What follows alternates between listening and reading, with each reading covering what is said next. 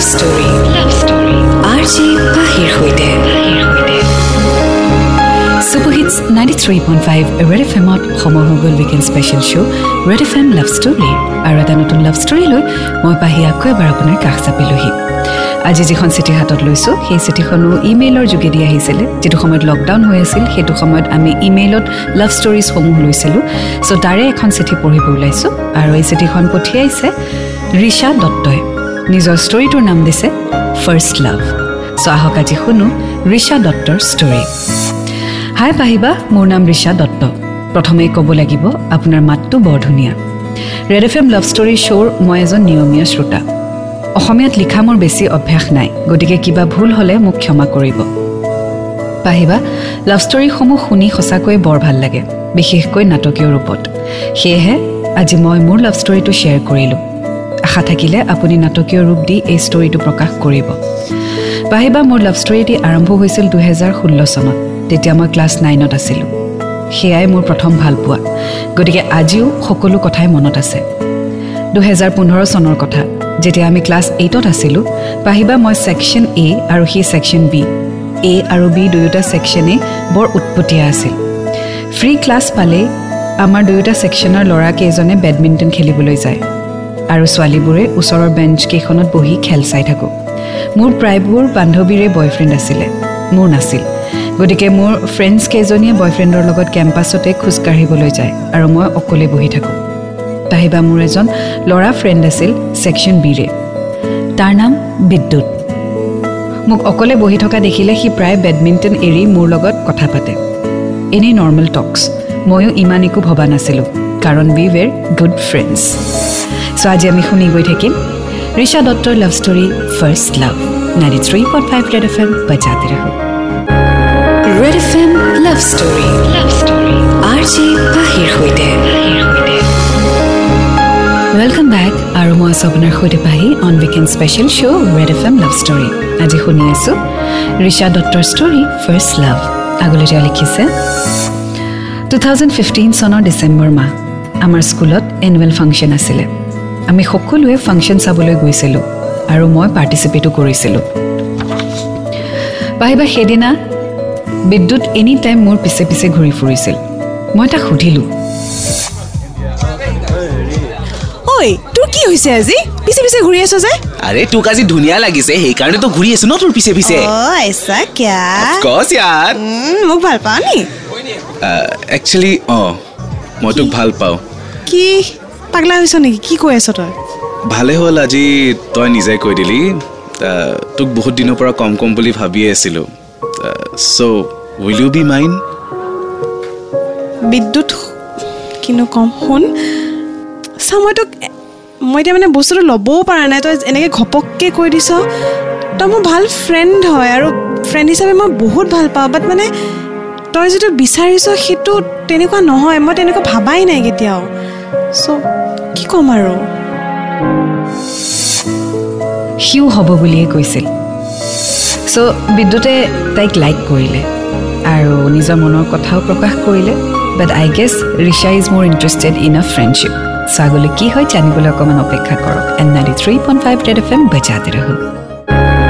Red F M love story love story R J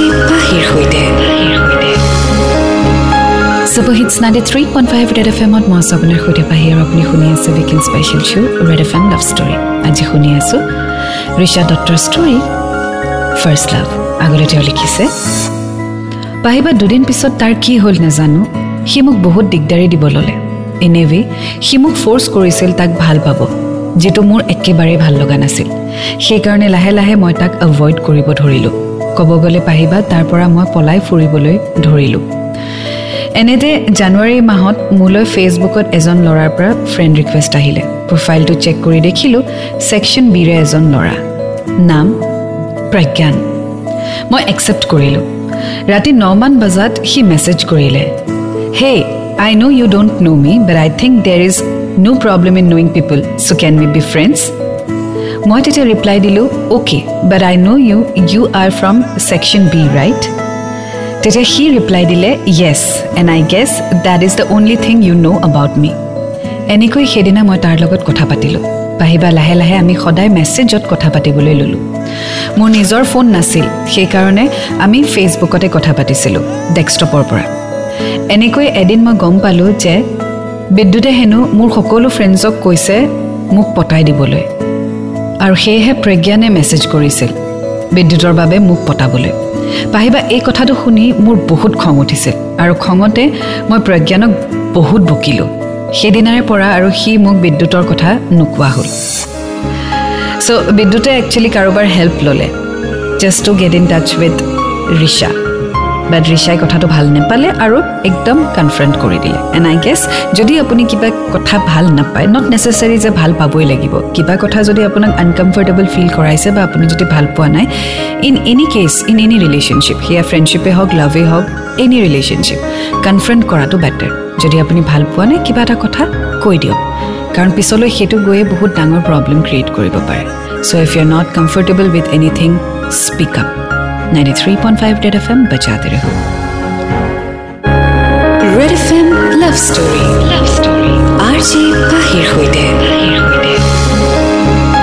superhits ninety three point five red F এমত মই আছোঁ আপোনাৰ সৈতে Pahi and welcome back to the show' red F M love story আজি শুনি আছোঁ ৰিচাৰ love story first love আগলৈ তেওঁ লিখিছে পাহিবা মই আৰু প্ৰজ্ঞানে মেছেজৰ জৰিয়তে বেষ্ট ফ্ৰেণ্ডছ হৈ পৰিলোঁ আমি সকলো কথা শ্বেয়াৰ কৰিবলৈ ল'লোঁ।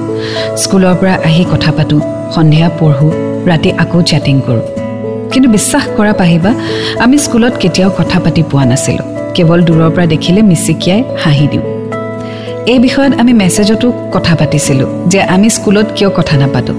সি কৈছিল তাৰ হেনো ছোৱালী মাতিবলৈ বৰ লাজ লাগে। আৰু এই কথাত পাহিবা মই বহুত হাঁহিছিলোঁ। আৰু সঁচাকৈয়ে মনো কৰিছিলোঁ যে সি স্কুলত কোনো ছোৱালীৰ লগতে কথা নাপাতিছিল। এনেকৈ আমাৰ ফ্ৰেণ্ডশ্বিপ আগুৱাই গৈ থাকিলে। ফেব্ৰুৱাৰী টু থাউজেণ্ড ছিক্সটিন আমাৰ ক্লাছ এইটৰ ফাইনেল এক্সাম চলি আছিল মেথছ এক্সামৰ দিনা। এক্সাম ষ্টাৰ্ট হোৱাৰ আগৰ সময়খিনি মই মোৰ ফ্ৰেণ্ড এজনীৰ লগত কৰিডৰত খোজকাঢ়ি আছিলোঁ। আৰু প্ৰজ্ঞান আৰু তাৰ ফ্ৰেণ্ডছ কৰিডৰৰ চিৰিকেইটাত বহি আছিল। এনেতে আমি সিহঁতৰ কাষেৰে পাৰ হৈ যোৱাত তাৰ এজন ফ্ৰেণ্ডে মই শুনাকৈ তাক ক'বলৈ ধৰিলে ঐ তোৰজন আহিছে যা যা প্ৰপ'জ কৰ। আৰু চবেই তাক জোকাব ধৰিলে। সি একো নকৈ হাঁহি হাঁহি তাৰ পৰা আঁতৰি গৈছিল। মোৰ কিন্তু অলপ সন্দেহ হৈছিল যে সিহঁতে চাগে মোৰ কথাকে কৈছিল কাৰণ কেইদিনমানৰ পৰা প্ৰজ্ঞানৰ বিহেভিয়াৰত চেঞ্জ দেখিছিলোঁ। সি মোক প্ৰায় মোৰ বয়ফ্ৰেণ্ড আছেনে নাই মই কাক ভাল পাওঁ? ইত্যাদি এইবোৰ সুধিছিল। আৰু স্কুলত মোক বাৰে বাৰে চাই থাকিছিল। চ' ৰিচাৰ এটা ডাউট হৈছে against Pragyan in the chance may be Pragyan has fallen for her তো হয়নে নহয় সেই কথাটো আমি গম পাম যেতিয়া আগুৱাই গৈ থাকিম আজি ষ্টৰীৰ সৈতে। So' ninety three point five Red F M বজাতে ৰাখো Red F M love story love story R J পাহিৰ সৈতে।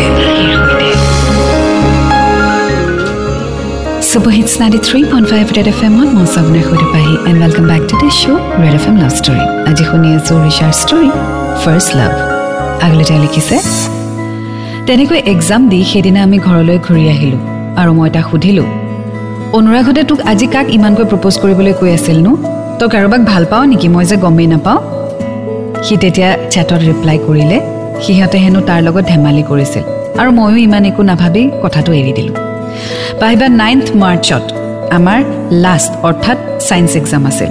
Seven March two thousand sixteen সেইদিনা আছিল শিৱৰাত্ৰি। সি মোক দুপৰীয়া এটা মেছেজ দিছিল। তোক মোৰ কিবা এটা ক'বলগীয়া আছিল প্লিজ ন' নকবি। ময়ো ক'লোঁ নকওঁ। সি ৰিপ্লাই দিলে I love you will you be my girlfriend মই লগালগ ৰিপ্লাই দিলোঁ হোৱাট আৰ ইউ ছিৰিয়াছ তাৰপিছত সি অফলাইন হৈ গৈছিল আৰু ময়ো পঢ়াত মন দিব ল'লোঁ যিহেতু এক্সাম আছিল। মনটো কিন্তু অলপ ভালো লাগিছিল কাৰণ মোৰো তাৰ প্ৰতি লাইকিংছ নথকা নাছিল। সেইদিনা ৰাতি মা দেউতা মন্দিৰলৈ গৈছিল শিৱ পূজালৈ।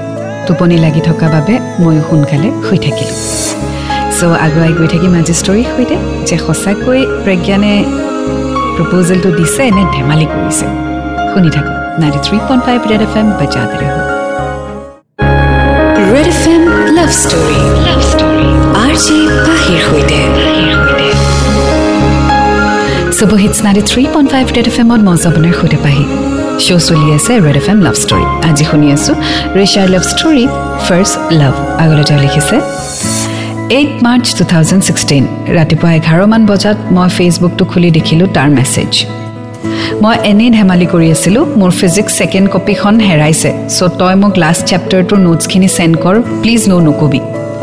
পাহিবা মই নোটছ দিলোঁ যদিও মোৰ কিন্তু ছিক্স চেন্সে কৈছিল that something is fishy because এক্সামৰ এদিন আগত কোনেও নোটছ নিবিচাৰে। মই তাক একো নক'লোঁ আৰু পুনৰ পঢ়াত বহিলোঁ। পাহিবা গধূলি চাৰিমান বজাত সি আকৌ মোক মেছেজ কৰিছিল। মই যদি তোক সঁচাকৈ আই লাভ ইউ ক'লোঁ হয় তই কি আনচাৰ দিলি হয়? মই তাক ৰিপ্লাই দিলোঁ আনচাৰ নাজানো কিন্তু তই যে মোক ভাল নাপাওঁ সেইটো মই ভালকৈয়ে জানো। তেতিয়া সি ক'লে no this is not true I really love you मेरे दिल की घंटी तब बजी when I first saw you during annual function and since then I have a crush on you you can think I am lying but I can propose you in front of everyone to show how much I love you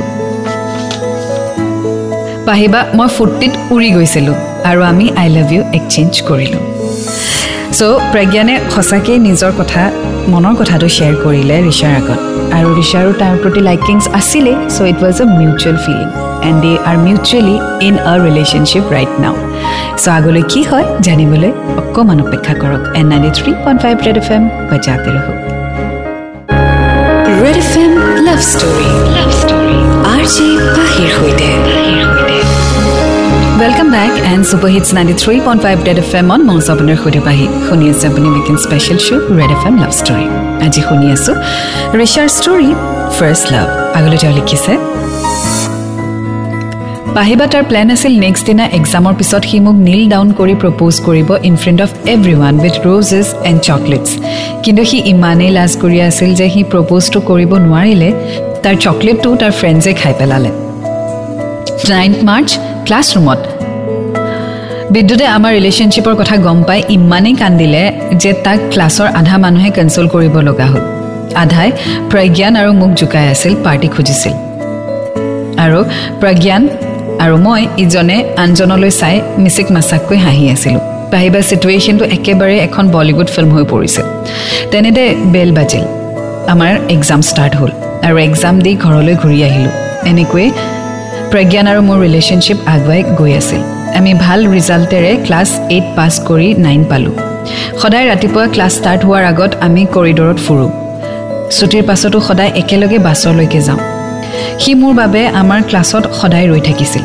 তাহিবা প্ৰথম ভাল পোৱাৰ সেই অনুভৱবোৰ সদায় চিৰস্মৰণীয়। তাৰ লগত কটোৱা প্ৰতিটো মুহূৰ্তই মই এনজয় কৰিছিলোঁ। সি মোৰ বাবে এটা গান ডেডিকেট কৰিছিল চ'চ নাচাকে বহুত ভাল লাগিছিল ৰিলেশ্যনশ্বিপৰ দিনকেইটা। স্কুল যোৱাৰ এটা এক্সাইটমেণ্ট হৈ পৰিছিল প্ৰজ্ঞান। ৱেল স্কুলীয়া লাভ অফক'ৰ্ছ এক্সাইটমেণ্ট বহুত বেছি it's teenage love so' I am sure I can understand whatever is happening in their life so' last কিছু কথা লিখিছে সেয়া পঢ়ি গৈ থাকিম you guys stay tuned and ninety three point five Red F M বজাতে ৰহো Red F M love story love story R J পাহিৰ সৈতে super hits ninety three point five Red F এমত মই আপোনাৰ সৈতে পাহি আৰু আপুনি শুনি আছে weekend special show' Red F M love story আজি শুনি আছোঁ ৰিচা দত্তৰ ষ্টৰী ফাৰ্ষ্ট লাভ আগলৈ তেওঁ লিখিছে পাহিবা এতিয়া আমি ৰিলেশ্যনশ্বিপত নাই কিন্তু আমি এতিয়াও ফ্ৰেণ্ডছ হৈ আছোঁ আগৰ দৰেই হাই হেল্ল' বাৰ্থডে উইচ ইমানতেই আমাৰ ফ্ৰেণ্ডশ্বিপ এতিয়া সীমিত। সি মোক কৈছিল পঢ়াত ফ'কাছ কৰিবৰ বাবে হেনো সি মোৰ পৰা ব্ৰেকআপ বিচাৰিছে। কিন্তু সি আনৰ আগত কৈ কোনোবাই হেনো তাক কৈছিল যে মই বেলেগ ল'ৰাক ভাল পাওঁ আৰু সেইবাবে সি মোক ব্ৰেকআপ দিছে। এইটো কেতিয়াও ক্লিয়াৰেই নহ'ল পাহিবা ব্ৰেকআপৰ ৰিজন কি হ'ল আৰু কিয় আমাৰ ব্ৰেকআপ হ'ল। ডাউটে হৈ থাকি গ'ল। আনৰ দৰে ব্ৰেকআপৰ পিছত আমি কান্দি কান্দি দিন পাৰ কৰা নাছিলোঁ। যোৱা বস্তু ধৰি ৰাখিব পাৰি জানো। নোৱাৰি ন? সেয়ে ময়ো কেৰিয়াৰত ফ'কাছ কৰিলোঁ। এতিয়া মই M B B S first ইয়েৰৰ ছাত্ৰী আৰু সি ইঞ্জিনিয়াৰিং কৰি আছে বেংগলোৰত আমি এতিয়া নিজৰ লাইফত ব্যস্ত। আমাৰ মাজত বেয়া পোৱাও নাই। We are still friends but the memories of our first love are to be always cherished এয়াই আছিল মোৰ লাভ ষ্টৰী পাহিবা। ছেফটি পাৰ্পজৰ কাৰণে মই মোৰ স্কুল কলেজ আদিৰ নাম ডিছক্ল'জ কৰা নাই বেয়া নাপাব। শেষত ৰেড এফ এম টীমক অশেষ ধন্যবাদ জনাই আজিৰ চিঠিখন ইমানতে সামৰিলোঁ। ইটি তোমাৰ মৰমৰ ভণ্টি Richa Dibrugarh. Thank you so' much Richa তুমি তোমাৰ ষ্টৰি শ্বেয়াৰ কৰিলা আৰু ছেফটি পাৰ্পজত মই তোমাৰ ক্লাছমেটছৰ নাম যিটো শ্বেয়াৰ কৰিছা সেয়াও চেঞ্জ কৰি দিছোঁ। এণ্ড য়েছ স্কুলীয়া প্ৰেম so' I'm sure you have overcome it আৰু it is easy to overcome because লাইফত বহুত মানুহ লগ পোৱা যায়। আৰু with time and with situations মানুহৰ কেৰেক্টাৰিষ্টিক্স আৰু মানুহৰ সৈতে সম্পৰ্কৰ ভেলিউ চেঞ্জ হৈ গৈ থাকে। So' this is just a beginning you are just starting your life so' I am sure you have a long way to go আৰু বহুত মানুহ লগ পাবা লাইফত আৰু বহুতৰ তোমাৰ প্ৰতি থকা ৰেচপনচিবিলিটি আৰু তোমাৰ প্ৰতি থকা নেচাৰ কেৰেক্টাৰিষ্টিক্স বিহেভিয়াৰ সলনি হ'ব আৰু তেনেকৈ তোমাৰো কাৰোবাক হয়তো ভাল লাগিব আৰু কাৰোবাৰ হয়তো তোমাক ভাল লাগিব। And I wish you a very very beautiful and a bright future ahead all the best so' এয়া আছিল আজিৰ ষ্টৰী ফাৰ্ষ্ট লাভ এতিয়া মই বাহিৰে বিদায় লৈছোঁ। ৱেল এইটো যিখিনি চিঠি পঢ়ি আছোঁ সেইসমূহ মই মেইলত লৈছিলোঁ বিকজ যিটো সময়ত লকডাউন হৈ আছিলে তেতিয়া এমাহ আমি লাভ ষ্টৰিসমূহ মেইলত লৈছিলোঁ। বাট এতিয়া আমি আকৌ চিঠিৰ জৰিয়তে লাভ ষ্টৰিসমূহ একচেপ্ট কৰা আৰম্ভ কৰিছোঁ চ' আপোনালোকে প্লিজ মেইলত নহয় চিঠিৰ যোগেদি আপোনাৰ ষ্টৰিজসমূহ পঠিয়াব। আৰু ঠিকনাটি ইউটিউব চেনেলৰ যিটো আপুনি ষ্টৰি শুনি আছে বা চাই আছে তাৰ এণ্ডিঙত পাই যাব। So' you guys take care আৰু এটা নতুন ষ্টৰীৰ সৈতে আকৌ লগ পাম। Until then to fall in love it's a great feeling you will get to learn a lot and always remember I love you ninety three point five Red F M বাজাতে ৰাখোঁ